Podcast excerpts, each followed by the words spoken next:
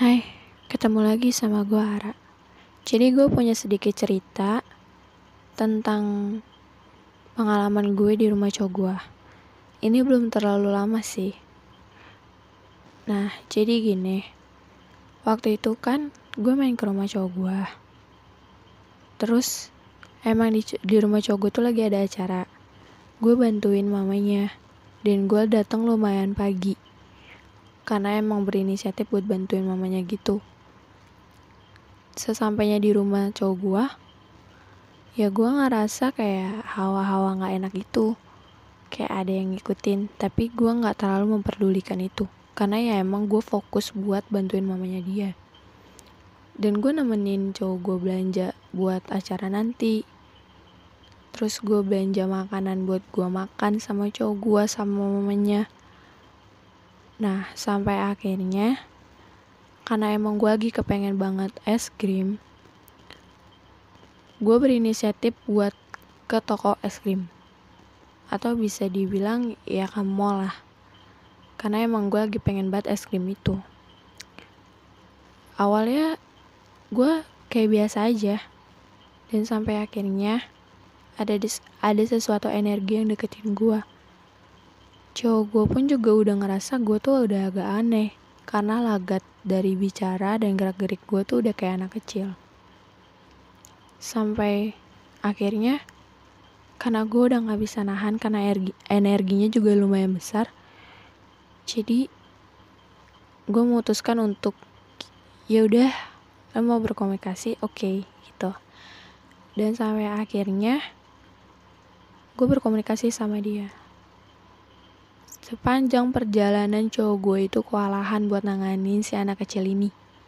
Karena ya emang iya, namanya anak kecil demen main-mainan. Dan dia minta sama cowok gue tuh dengan sebutan mainan. Dan itu gelagatnya bener-bener kayak anak kecil. Sampai di depan toko mainan itu dia berhenti. Dan sama aja itu kayak minta mainan gitu kan.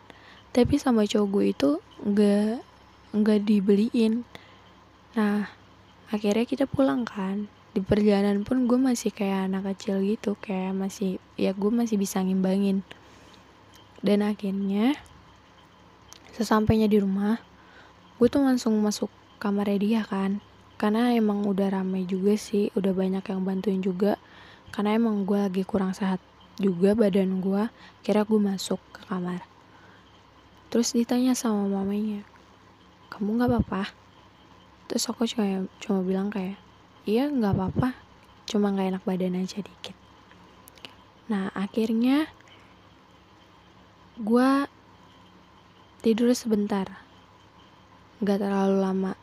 Akhirnya gue numpang mandi di rumah cowok gue itu. Gue izin sama mamanya gue mau numpang mandi. Akhirnya ya udah gue mandi. Pas mandi ternyata anak kecil itu tuh masih ngikutin gue dan kondisi badan gue juga udah agak agak lemes ya. Karena emang energi tuh sekuat itu. Dan sampai akhirnya gue udah kewalahan bener-bener kewalahan. Akhirnya ya udah gue masukin aja tuh anak kecil. Gue telusurin ini dia maunya apa.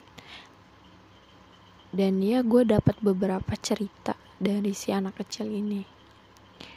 Dan akhirnya lumayan lama juga sih gue berinteraksi sama dia kurang lebih setengah jaman lah.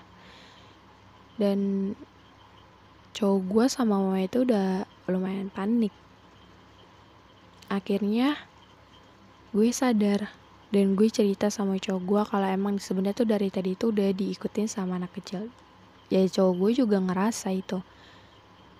Dan akhirnya si anak kecilnya itu ada di boneka beruang cowok gua jadi dia diem di situ sih tapi untungnya nggak ganggu kayak ngisengin atau ngejailin keluarganya cowok gua kalaupun itu sampai kejadian ya mungkin itu bakalan gue bawa atau gue lepas ke tempat yang semestinya sih ini cerita pengalaman gue di rumah cowok gue ya Nanti gue bakalan cerita yang lebih seru lagi. Jangan lupa didengerin.